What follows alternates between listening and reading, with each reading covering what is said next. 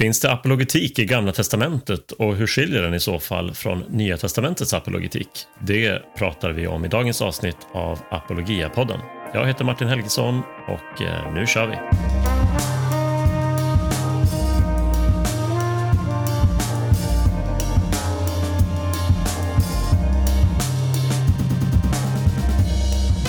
Välkomna tillbaka till Apologia-podden.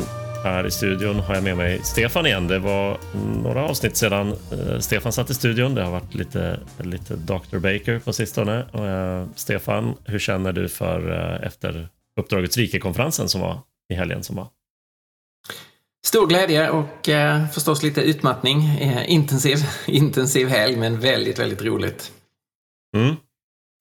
Det var lyckat, eller hur? Vi samlade en bit över 100 personer eh, i Citykyrkan i Stockholm i sex stycken olika nätverk. Varav ett var apologetik som såklart vi Apologia anordnade. Vad, vad var höjdpunkten för dig från konferensen?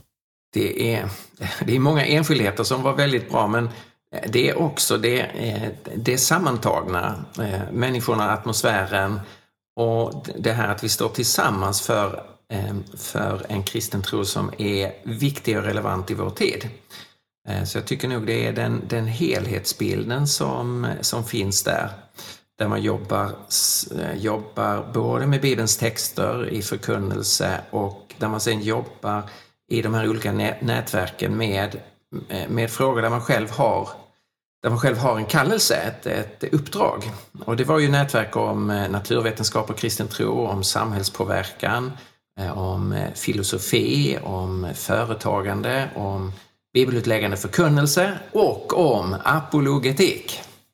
Det är ingen dålig lista eh, på, på uppdrag och kallelser som, som vi har samlat människor kring och rustat människor till.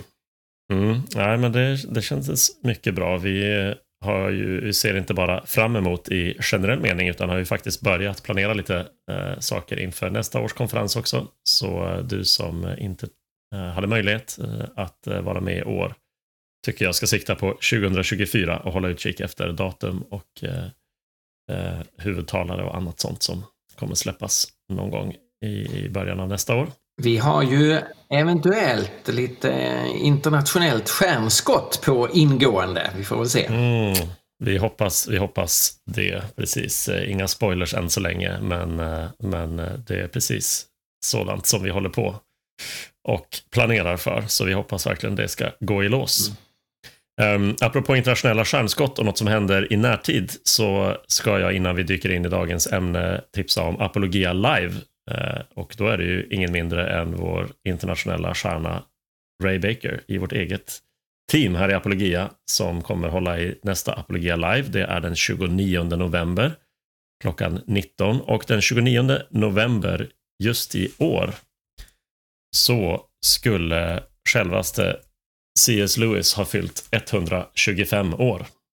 Den 29 november är C.S. Lewis eh, födelsedag och eh, Eh, de här riktiga Lewis-nördarna runt om eh, världen, de eh, firar varje år C.S. Lewis Reading Day den 29 november. Och Ray har ju skrivit en bok som heter C.S. Lewis Förnuft och fantasi. Som är en unik bok på svenska med en analys och beskrivning av Lewis författarskap. Och vi återkommer ju emellanåt till Lewis som en, som en referens och som en förebild i apologetik och sådär på, på olika sätt. Och tänkte uppmärksamma det med Apologia Live då den 29 november och som rubrik har vi satt människans avskaffande och Ray kommer titta lite grann på det man skulle kunna beskriva som en lite profetisk aspekt i C.S. Lewis, nämligen hur han um, såg vart den västerländska moderna kulturen var på väg uh, i, i, riktning mot uh, det postmoderna, det relativistiska och så vidare. Uh, det är någonting som Ray kommer prata om och vårt tips till dig som lyssnar nu är ju dels att följa länken som du hittar i avsnittsbeskrivningen så du kan anmäla dig till Apologia Live. Det är gratis att vara med och det, du kan vara med anonymt och allt sånt där. Så det är liksom bara att haka på. Ingen tvekan om den saken. Men dessutom, ta och läs Rays bok eller läs någon av Lewis böcker. Eh, börja åtminstone eh, innan, innan vi sätter igång. Du kanske har någon redan i hyllan. Någon av Lewis böcker som du inte har hunnit läsa. Då kan du åtminstone hinna några kapitel in i den eh, och sen dyker upp på Apologia Live och så har du utmärkta frågor att ställa till eh, Sveriges främsta C.S. Lewis-expert Dr. Ray Baker. Lewis är ju så fascinerande. Han har ju lämnat ett så rikt arv eh, efter sig i sin litteratur. Han, eh, jag tycker varje gång, man, varje gång man läser Lewis, och genom åren har jag ändå läst rätt så mycket Lewis, så hittar man ändå nya, eh, nya riktiga guldkorn varenda gång. Det är så rikt på både formuleringar och på insikter och på eh, illustrationer eh, i hans böcker, så han är verkligen värd att jobba med. Människans avskaffande är ju titeln på en, en eh, ganska kort liten bok eh, han har skrivit, som, eh, men som också är en, en uppmärksammad bok. Nu kommer inte Ray att gå igenom just den boken, eh, men det är ju en, en av böckerna där, eh, där han eh, man kan säga klär av den västerländska kulturen eh, Eh, och visar eh, konsekvenserna av att vi, eh, vi säger nej till det som är vår kulturs rötter, alltså tron på en, en personlig skapargud. Det blir en jätteintressant kväll med, med Ray, det kan vi nog utlova. Absolut. Absolut. Ja, med det sagt kanske vi ska sätta igång med, med det som är dagens ämne då, Stefan.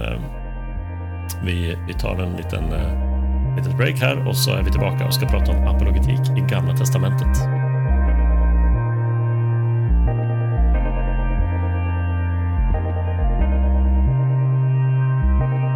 Apologetik i Gamla Testamentet, Stefan. Eh, den som har följt dig i några år vet ju att du inte så sällan har pratat om apologetik i Nya Testamentet. Du har velat visa då att eh, Jesus och Paulus och även Petrus Eh, både praktiserar apologetik eh, och, och, även då uppmanar till det. Ehm, så, så ganska många, tänker jag, om man har hängt med lite grann i vad vi gör, eh, då, då har man kanske liksom hajat att det finns apologetik i Nya Testamentet. Men det är inte lika självklart för många, skulle jag säga, att, att apologetik finns i Gamla Testamentet. Nu hade du en presentation om det på Uppdragets rike och jag ville fånga upp det och, och få fråga dig lite grann om det. Men, eh, men ehm, om vi börjar där. Håller du med mig om att, att jättemånga skulle, skulle ha svårt att se eh, att apologetik finns i Gamla Testamentet och vad beror det på då jämfört med Nya Testamentet, tror du? Ja, men så, eh, så, är det. Man kan ju se på bokutgivningen, du, man hittar nästan ingenting Eh, av böcker om apologetik i, i GT medan det finns eh, mycket material om NT. Och det har ju dels att göra med att, att själva ordet apologetik, det är ett grekiskt ord och det finns då 18 gånger i, i Nya Testamentet.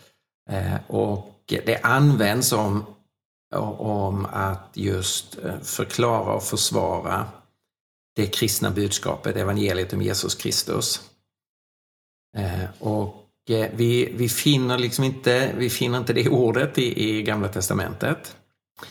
Eh, och eh, eh, det, det, gör att det som, det som vi specifikt tänker kring apologetik, eh, det har då inte riktigt samma plats. Eh, Jesu död och uppståndelse finns ju förutsagt, men det är ju inte ett, ett budskap som i sig då försvaras i Gamla Testamentet. Precis. Eh, vi kanske behöver börja med att säga någonting om då, när vi pratar om apologetik i Bibeln. Jag tror att en del då tänker, de tänker apologetik, tänker nutida personer som sysslar med apologetik och så tänker man filosofiska gudsargument. Man tänker på his, liksom historiska argument för Jesu uppståndelse, låt oss säga, och, och eh, på något sätt att man att eh, eh, många förknippar apologetik med att ha, använda källor som, som vi säger utom bibliska. Alltså Guds argumenten finns inte formulerade i Bibeln. Pratar man om Jesu uppståndelse är det en, en biblisk händelse, men eh, det typiskt apologetiska så att säga kanske är att, att diskutera bevismaterial för, låt säga den tomma graven eller något sånt här. Och så, och så tänker man, ja men apologetik, det är, det är liksom, det, det är någonting utanför Bibeln helt och hållet. Men då har man kanske lite för smal definition av apologetik, eller hur skulle du, hur skulle du besvara det? Och hur ska vi beskriva apologetik för att få den här fulla bilden med oss? Jo, det är, eh, eh, det är ju en, en viktig poäng att inte definiera apologetik eh, för smalt. Det har ju det har både med att, att förklara innehållet av den kristna tron att göra och att försvara eh, sanningshalten. Och det, det blir ju då, om man backar ytterligare ett steg, så blir det ju då en, en, mycket en fråga om attityd. Alltså att det man tror på är någonting som man kan ställa frågor till och förvänta sig svar. Någonting som, eh, som går till viss mån i alla fall att reda ut vad, vad är det man tror på. Som går att sätta i kontrast till alternativen. Vad, vad tror andra människor på eller vad är andra Eh, religiösa filosofiska gemenskaper är det man tror på? Vad är då kontrasten till eh, det som, det som kristna tror på?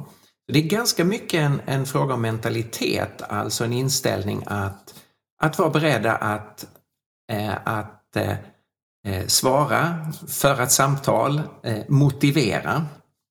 Och om man tänker så lite bredare om, eh, eh, om apologetik så finns det väldigt mycket apologetik i Gamla Testamentet. Bara för att ta två, eh, två eh, konkreta exempel. Så eh, eh till, eh, i, i lagen eh, i Andra Mosebok så när, eh, när Gud har när folket är befriat ur Egypten och Eh, gudstjänsten är instiftad, man firar eh, gudstjänst, så står det så här, när era barn frågar er vad betyder den här gudstjänsten? Varför firar vi detta? Då ska ni svara. Och så kommer det då en, en förklaring. Alltså att det som det befriade folket nu ska göra, fira gudstjänst till minne av eh, befrielsen ur Egypten, det, det är någonting som man ska tala om och som man kan ställa frågor kring och som det är möjligt att få ett svar. Och Det där ska föras vidare från generation till generation. Eh, vad det är man firar det, vad det betyder och varför man gör det. Och det står i femte Mosebok kapitel 6, precis i samband med det största budet. Alltså, hör Israel, Herren vår Gud, Herren är en och du ska älska Herren din Gud av hela din varelse. Och så följer det i vers 19. Sen står det så här, när din son i framtiden frågar dig, vad betyder de vittnesbörd, stadgar och bud som Herren vår Gud har gett er? Då ska du svara honom. Eh, och det är samma sak där, alltså att det är naturligt att man ställer frågor och det är också naturligt att man kan få svar. Eh, så Guds folk skulle ju enligt lagen själv reflektera över och samtala om och diskutera innehållet och sanningen i det som Gud hade gjort för dem och gett till dem. Och det där är ju helt enkelt apologetik. Mm. Intressant. Men det här visar ju då, dina exempel till exempel, äh, dina exempel visar ju då att äh, att det är, vad ska jag säga, frågeställningarna som Gamla Testamentets apologetik sysslar med är lite annorlunda än Nya Testamentets och såklart delvis annorlunda jämfört med vår tid. Apologetik är på det här sättet kontextberoende, alltså den är olika från olika sammanhang och har att göra med vilka frågor eller tvivel eller invändningar riktas mot tron. Då. Så om du skulle sammanfatta så att säga vilka områden sysslar apologetiken i Gamla Testamentet med, vilken sorts frågor eller problemformuleringar är det som, som eh, apologetiken vill förklara, vill svara på? Här är ju en, en jättestor skillnad jämfört med eh, vår kultur. Sen upplysningen så har ju hela frågan om det övernaturliga varit den, liksom den, den dominerande frågan. Att kulturen har börjat säga Gud finns inte, den andliga världen finns inte, det finns inget övernaturligt, det enda som finns är vårt universum. Eh, och, och sen följer det en massa saker på det då, att eh, därför kan man inte eh, tro på under och tecken, man kan inte tro på eh, profetia, man kan inte tro på eh, Bibelns inspiration eh, och så har liksom den kristna tron nedmonterats. I Gamla Testamentet, så i alla de omgivande kulturerna, så är ju övertygelsen om att det finns en övernaturlig värld, den är ju helt självklar, den delar alla kulturer. Det gudomliga i sig Eh, alltså att det finns någonting mer än den fysiska världen. Det är ju inte alls en frågeställning. Eh, men den stora frågeställningen är ju eh, vad eller vem det är som är Gud. Och där de omgivande folken dyrkar sina små gudar, sina begränsade gudar och så dyrkar många olika gudar där de olika gudarna representerar ofta då en delaspekt av den fysiska världen, alltså solens gud och månens gud och olika stjärnor och, och så. Och de är representerade av olika fysiska varelser. Ehm, eh, statyer som är avbildningar av, eh, av eh, tjurar och av fåglar och så vidare. Och här är ju då en jättekontrast att Israels folk säger den Gud man ska dyrka måste ju vara den Gud som inte är en delaspekt av tillvaron utan som är den som har skapat himmel och jord och hav och allt vad de rymmer. Det är den sortens formuleringar som finns. Det är ju den Gud som står bakom alltihopa. Och det kan bara vara en enda Gud som är upphovet till universum. Så här krockar ju då eh, Israels eh, tro på den enda guden som är en personlig gud och som är skapare av universum och upprätthållare av universum. Det står ju i, eh, för det är frontalkrock med de andra folkens små politistiska gudar. Precis, och här finns ju även texter då som inte kanske i sig är direkt apologetiska i sitt syfte, men som underbygger Gamla Testamentets apologetik. Eh, jag tänker på till exempel psalm 19 som då så att säga, i poetiska ordalag beskriver att det finns en allmän uppenbarelse. Så att eh, eftersom Gud har skapat hela tillvaron så vittnar också eh, hela tillvaron om skaparen eh, utan ord, så att säga, men bara genom sin existens, sin ordning, skönhet och så vidare. Så att, så att Gamla Testamentet liksom underbygger det apologetiska projektet lite grann med att visa att, att Gud är i någon mening åtkomlig. Människor kanske inte faktiskt så att säga drar nytta av den allmänna uppenbarelsen. Det är ju en separat fråga, men den finns där. Därför att Gud har visat sig genom skapelsen. Vilka typer av, eh, vad ska vi säga, metoder eller stilar skulle du säga eh, kan man hitta i Gamla Testamentets apologetik? För vi har redan nämnt att apologetik är olika beroende på situation. Eh, så det kan finnas olika frågor, men en annan sak där apologetik har en stor bredd. Det kan ju vara mm. hur man faktiskt går tillväga, liksom vilket slags stil, eh, tillvägagångssätt. Mm. Det finns, eh, det finns inte minst i, i Jesaja bok så finns det en, en intressant aspekt där man ans, använder eh, domstolen som en, eh, en bild eller en, en utgångspunkt. Och så i en, i en mänsklig domstol så är ju själva poängen att man ska, man ska pröva ett sakförhållande, man ska undersöka en, en anklagelse. Om det ligger någonting i en anklagelse eller, eh, eller inte. Så det, i en domstol så är det ju ett visst påstående som förs fram. Eh, om någon skuld, om någon som är orsak till en viss händelse. Och sen så är det ju då vittnen som kallas in och så avgör man om, om anklagelsen är, är riktig. Och det, är ju, det känner vi ju igen från apologetiken, alltså att man, eh, man har en form av domstolsförhållningssätt. Eh, eh, att man tittar på ett påstående och så ser man, finns det några vittnesbörd som kan stödja detta eh, eller inte? Och eh, i Jesaja bok eh, från kapitel 40 till 55 så är det väldigt många eh, sådana eh, domstolsdiskussioner eh, kan man säga. Alltså så återkommande så, så säger Herren till Israels folk, ni är mina vittnen. Och sen så om de omgivande folken, Eh, låt dem kalla in sina vittnen, de som vittnar om deras gudar. Och så konstateras ju att, eh, eh, att eh, deras vittnen varken ser eller förstår och förstår där, förstår där med, med skam. Eh, och det här återkommer igen och igen om man läser kapitel 40 till, eh, eh till 55. Jag bara citerar här på, från lite olika ställen. Låt oss mötas till rättegång. Stäm mig, låt oss processa, för din talan. Vem är jag? Vem är som jag, säger Gud då. Må han ge sig till känna, förklara och bevisa det för mig.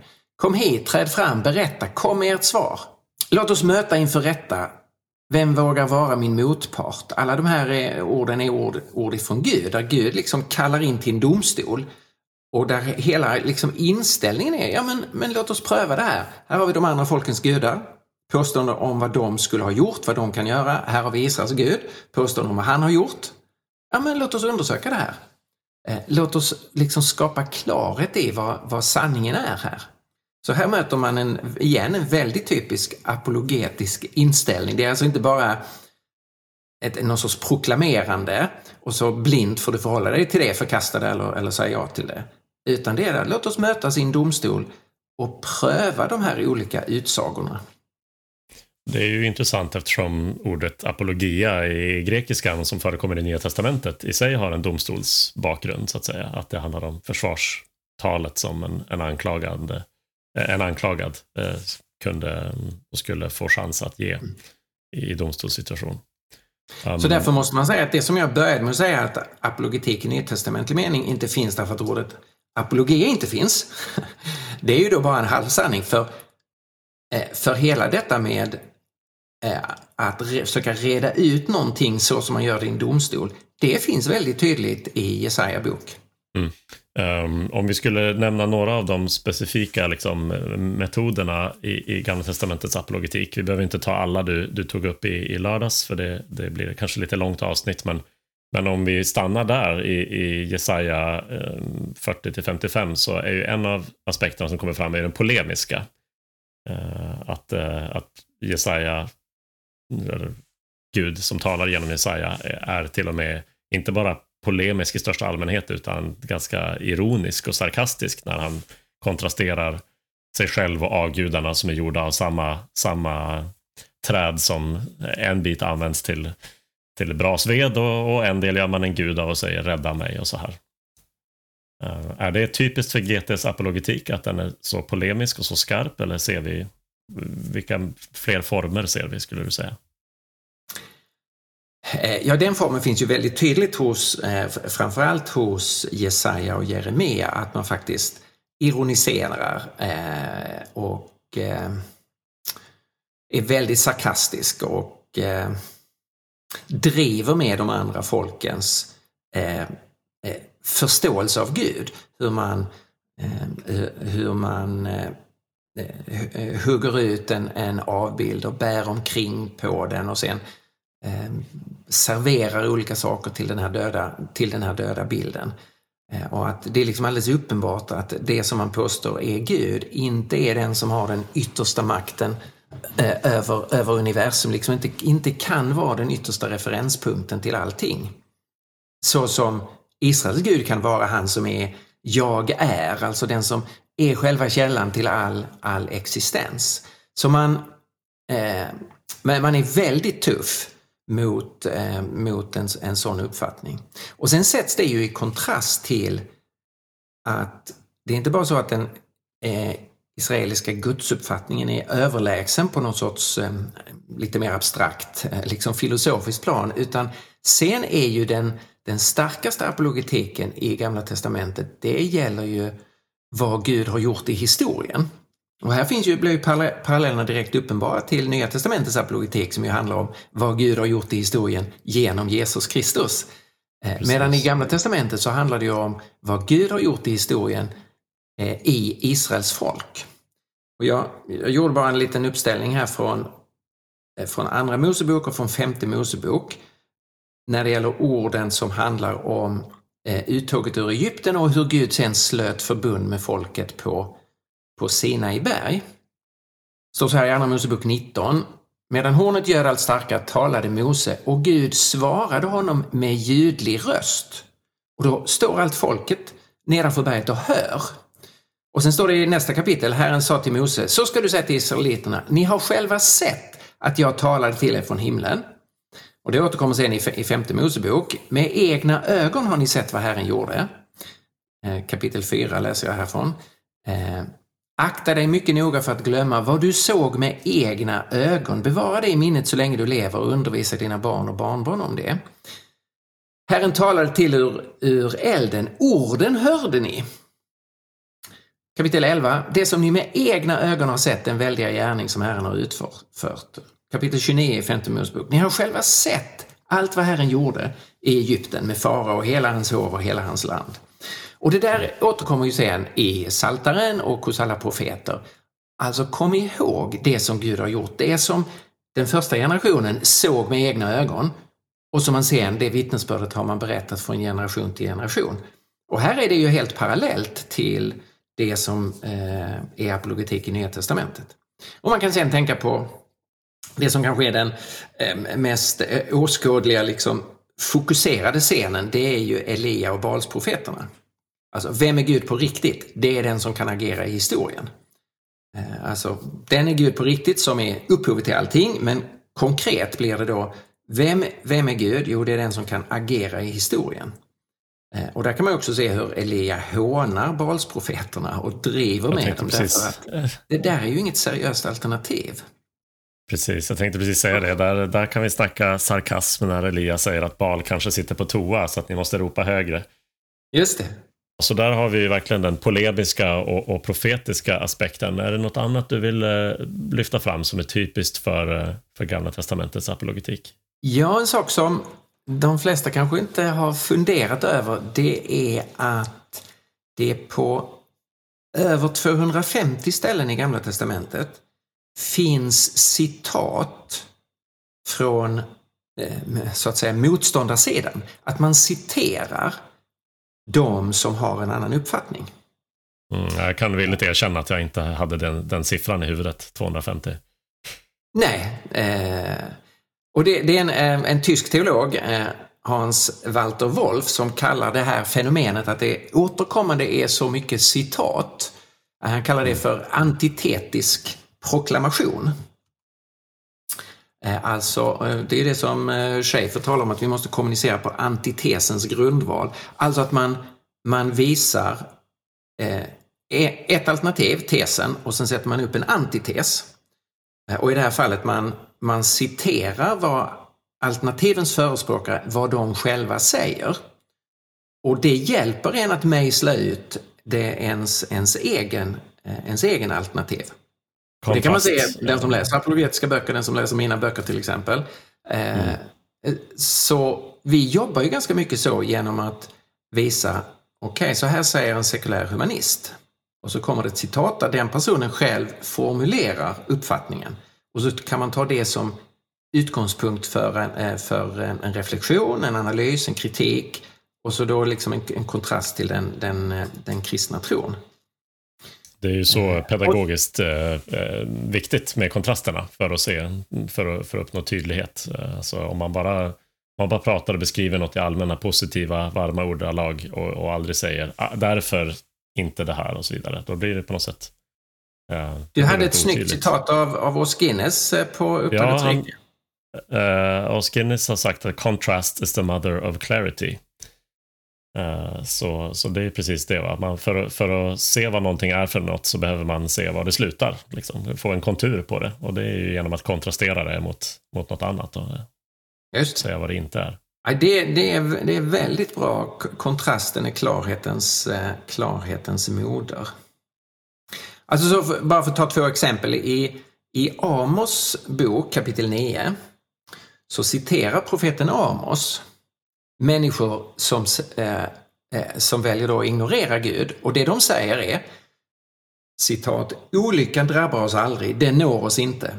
Alltså det kommer aldrig någon straffdom. Vi kan leva för oss själva. Eh, vi behöver, behöver inte bry oss om eh, Guds vilja och Guds ord och så. Eh, det får aldrig några konsekvenser. Olyckan drabbar oss inte. Den når oss inte. Och Amos är ju en profet med ett varningens ord. Olyckan kommer, domen kommer. Ingen,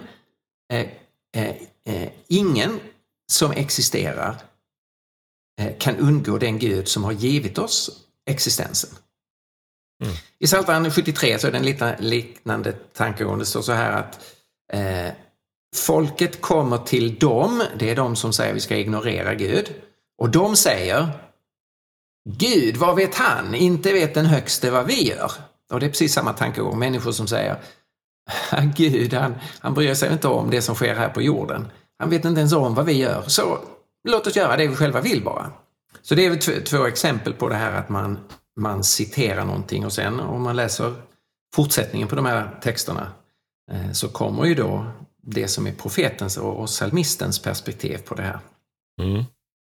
Så polemisk och profetisk och, och citerande, det är några av sidorna i Gamla Testamentets apologetik. Om vi skulle eh, börja avrunda och sammanfatta, hur skulle vi beskriva någonting vi kan lära oss för vår, vår nutida strävan då efter att förklara den kristna tron, att försvara den, att hjälpa människor eh, till, till djupare övertygelse eller överhuvudtaget att, att undersöka och närma sig den kristna tron. Vad kan vi lära oss av Gamla Testamentets apologetik, tycker du? Det var vä- väldigt roligt att jobba med den här frågan och det finns eh, en, en hel del saker till som vi inte har varit eh, inne på här som är, är relevanta att ta upp när det gäller GT och apologetiken. Det ska det... ju svida lite om man valde att inte vara med på Uppdragets rike. Ja, så är det. Man ska straffas lite. Absolut. Absolut.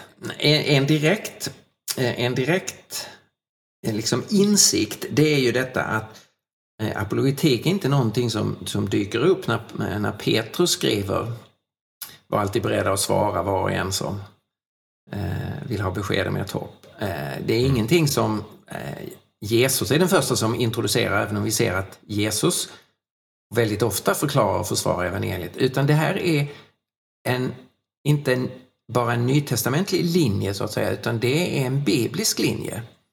Faktiskt från början till slut.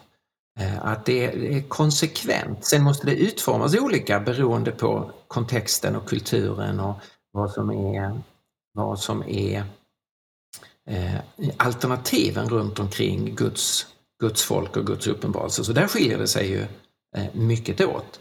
Men eh, det finns en helt gemensam, eh, helt gemensam inställning. Och det är den som vi i, i Apologia jobbar med att försöka hjälpa kristna i Sverige idag att att återta det som har varit självklart liksom från början eh, för, för Guds folk. Mm. Eh, sen är väl kanske en annan, eh, om jag ska säga en sak till, det är ju att det är inte mekaniskt. Alltså det är inte så att man bara upprepar någon sorts talepunkt, någon sorts soundbites, utan det är väldigt kreativt. Alltså det finns alla möjliga sorters sätt att göra det på. Från väldigt drastisk ironi och sarkasm och, och eh, med, med humor till sånt som är mycket mer stillsamt reflekterande. Det finns eh, liksom filosofiska argument, det finns väldigt mycket historiska argument, det finns personliga argument. Så det, det är inte det här eh, lär dig något visst utan till och upprepa det hela tiden. Inte alls, utan det finns en, en stor känslighet för situationen och för den individuella människan. Så det tycker jag är en annan lärdom och det är också både gamla och nya testamentet som man ser det. Påminner mycket om något jag och Ray diskuterade i ett, eh, i ett ganska nyligt avsnitt av podden, just det här missförståndet kring att apologetik på något sätt skulle vara färdiga svar. Det är liksom något man har i en konservburk, eh, öppnar öppnar upp och, och, klickar ut och det var liksom, har, har en gjuten form som alltid är likadan eh, och som bara upprepas. Eh, nej, det är verkligen eh, sant och väldigt viktigt. Och det, där vill ju vi gärna se, vi i Apologia, vi, vi är ett team med ett antal personer. Vi är oss emellan vi är ganska olika i vår stil och hur vi tar oss an frågor, men samtidigt är vi en väldigt liten del av Kristi kropp och vi behöver fler i Sverige som engagerar sig i apologetik och som använder sin eh, egen bakgrund och sin egen personlighet, sitt eget uttryck för att vi ska ha den här bredden av apologetik. Bredden av kristen kommunikation som blir övertygande för, för olika människor. Delvis baserat på hur Gud begåvat oss att, att arbeta med det. Jag hade ett citat i min, eh, min presentation på Uppdragets rike.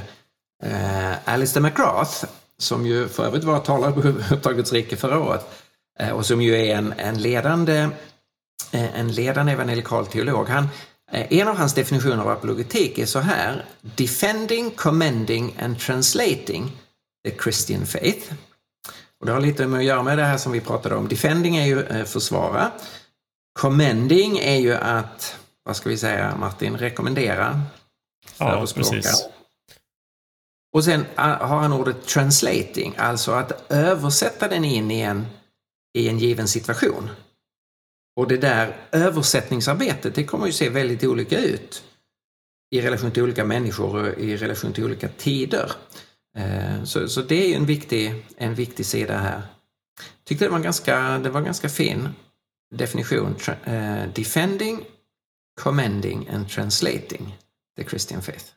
Verkligen. Tack Stefan för att du tittade in i studion och eh, hjälpte oss eh, se lite av eh, Gamla Testamentets apologetiska arsenal. Nu har det varit en lite lugnare vecka här för oss eftersom vi har återhämtat oss efter Uppdragets rike. Om man vill se vad vi har på gång framöver då kan man gå in på apologia.se för där kan man se i vår kalender var vi i apologiateamet dyker upp. Kanske i en församling nära dig där du kan komma och ta del av någonting vi undervisar. Jag vet att du Stefan kommer vara i Eh, i Västsverige inom kort och på, på olika platser som det alltid är. Så ta en titt på kalendern på apologia.se och eh, kom även ihåg då, som vi sa i inledningen, Apologia Live den 29 november om eh, C.S. Lewis och människans avskaffande med vår kollega Ray. Tack för att du var med oss och lyssnade den här gången. Maila gärna in frågor och synpunkter till podd apologia.se och eh, du som tycker att Apologias arbete är värdefullt och behövs här i Sverige, du får jättegärna stötta det med en engångsgåva eller genom att bli månadsgivare. Och om du scrollar ner i avsnittsbeskrivningen så kan du hitta både vårt swishnummer och en länk till sidan där du fyller i att, eh, att ge regelbundet till oss. Det är något som vi är beroende av och uppskattar oerhört mycket så vi kan fortsätta att arbeta med att utveckla apologetik och eh, i många fall också ge bort den gratis när vi kan. Så tack för att du var med och lyssnade. Vi hörs nästa gång på Apologia-podden. Tack och hej då! Hej då!